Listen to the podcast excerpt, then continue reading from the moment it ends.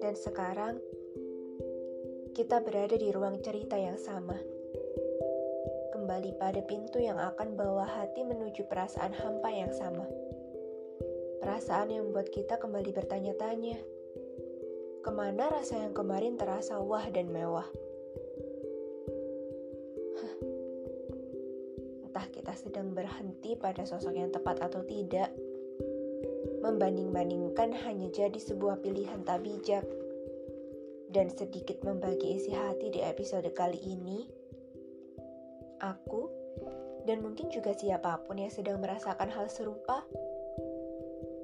Iya, kita berjalan dengan segudang peristiwa dari masa lalu yang kita bawa ke arah dewasa tanpa kita pernah melupakannya barang meski hanya satu halaman saja peristiwa-peristiwa yang terlalu runyam diceritakan dan terlalu pintar mencipta trauma dan luka di hati serta ingatan. Sekali lagi, peduli menjadi barang mahal yang dibagi secara cuma-cuma pada siapa-siapa yang dirasa berharga. Meski baru hitungan purnama mengenal dan jalani hari bersama, sekali lagi hati jatuh tanpa aba-aba tanpa diperintah dan tanpa meminta izin pada pemilik raganya.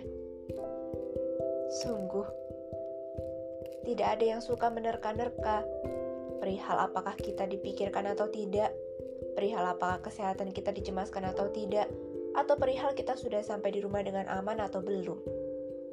Beberapa orang pintar menunjukkan kasih sayang, kepedulian, dan perhatian meski kita tidak pernah bisa mengetahui jawaban pasti apakah itu benar atau hanya pura-pura saja.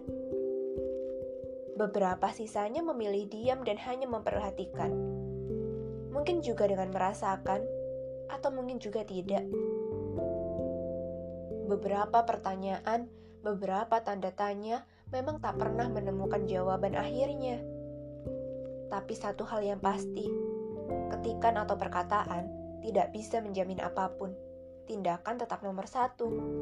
Orang mana saja bisa kalau hanya sekedar menawarkan sesuatu yang besar, tapi yang sungguhan memberikannya, yang sungguhan melakukannya, yang sungguhan memenuhinya dengan tindakan, tidak semua bisa melakukannya.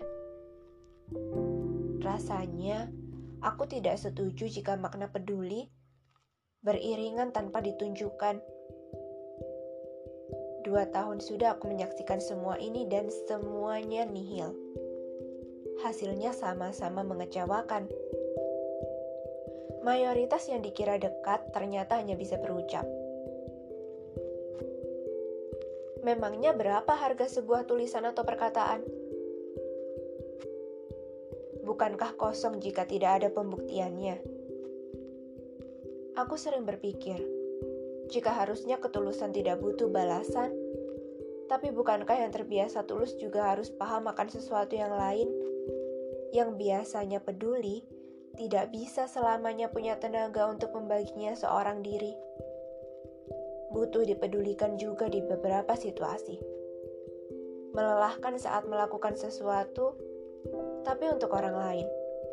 Melelahkan saat peduli dengan baik, tapi lagi-lagi untuk orang lain akan ada waktu di mana kita merasa letih sebab terlalu mencemaskan siapa-siapa yang kita anggap berharga. Akan ada waktu di mana kita juga bisa melemah dan butuh untuk dicemaskan juga. Akan ada waktu di mana kita tidak ingin mengatakan apa-apa ataupun sekedar bertanya untuk memastikan bahwa siapa-siapa yang kita anggap berharga itu baik-baik saja. Dan akan ada waktu untuk semua itu waktu ketika hati kita lelah dan lemah. Ketika pikiran kita letih untuk mencemaskan orang lain, dan harusnya itu tidak apa-apa. Bagiku, memberi peduli bukanlah hal yang salah. Membaginya dengan seseorang juga bukan hal yang keliru.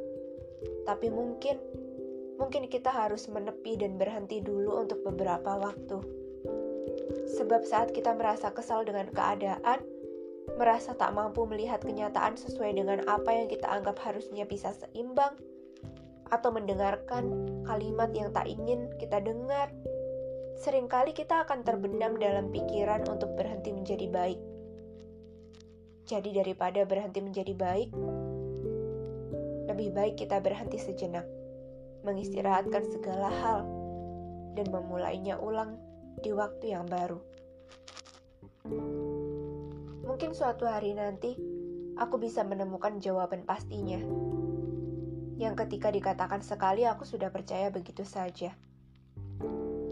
Dan harus aku akui, kepercayaan dan juga kepedulian mungkin berada pada titik yang sama. Meski berbeda, keduanya hampir sama. Tidak bisa diberikan dengan mudah. Dan kalau kita sudah memberikannya, itu artinya memang harus dijaga dan harus dihargai dengan sebaik-baiknya. Tapi jika kita memberikannya pada orang yang salah, pada orang yang masih kita ragukan kebenarannya, maka untuk apa? Aku rasa peristiwa yang kita bawa di masa lalu harus sembuh dulu. Karena sebelum itu terjadi, tidak akan ada bisa orang baru yang masuk tidak akan ada orang baru yang bisa kita percaya meski sebaik apa pun dia. Kita hanya akan memikirkan potensi-potensi buruknya saja.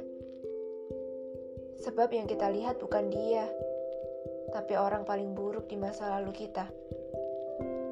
Tokoh paling jahat di dalam cerita yang sudah kita lalui lama.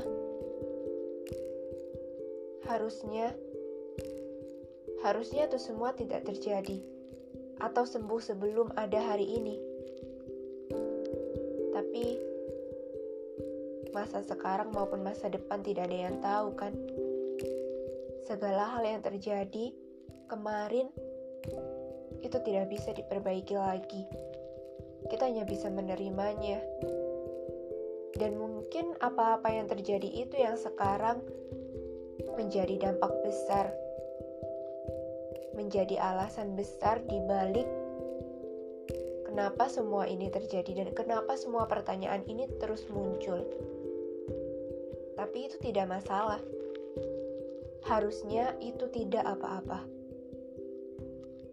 Seiring berjalannya waktu dan seiring berjalannya proses pendewasaan yang tidak mudah, kelak kita akan bertemu dengan seseorang yang tidak kita ragukan lagi. Kelak kita akan bertemu dengan seseorang yang ketika kita ingin menanyakan sesuatu, kita tidak perlu ragu, dan dia akan menjawabnya dengan jujur.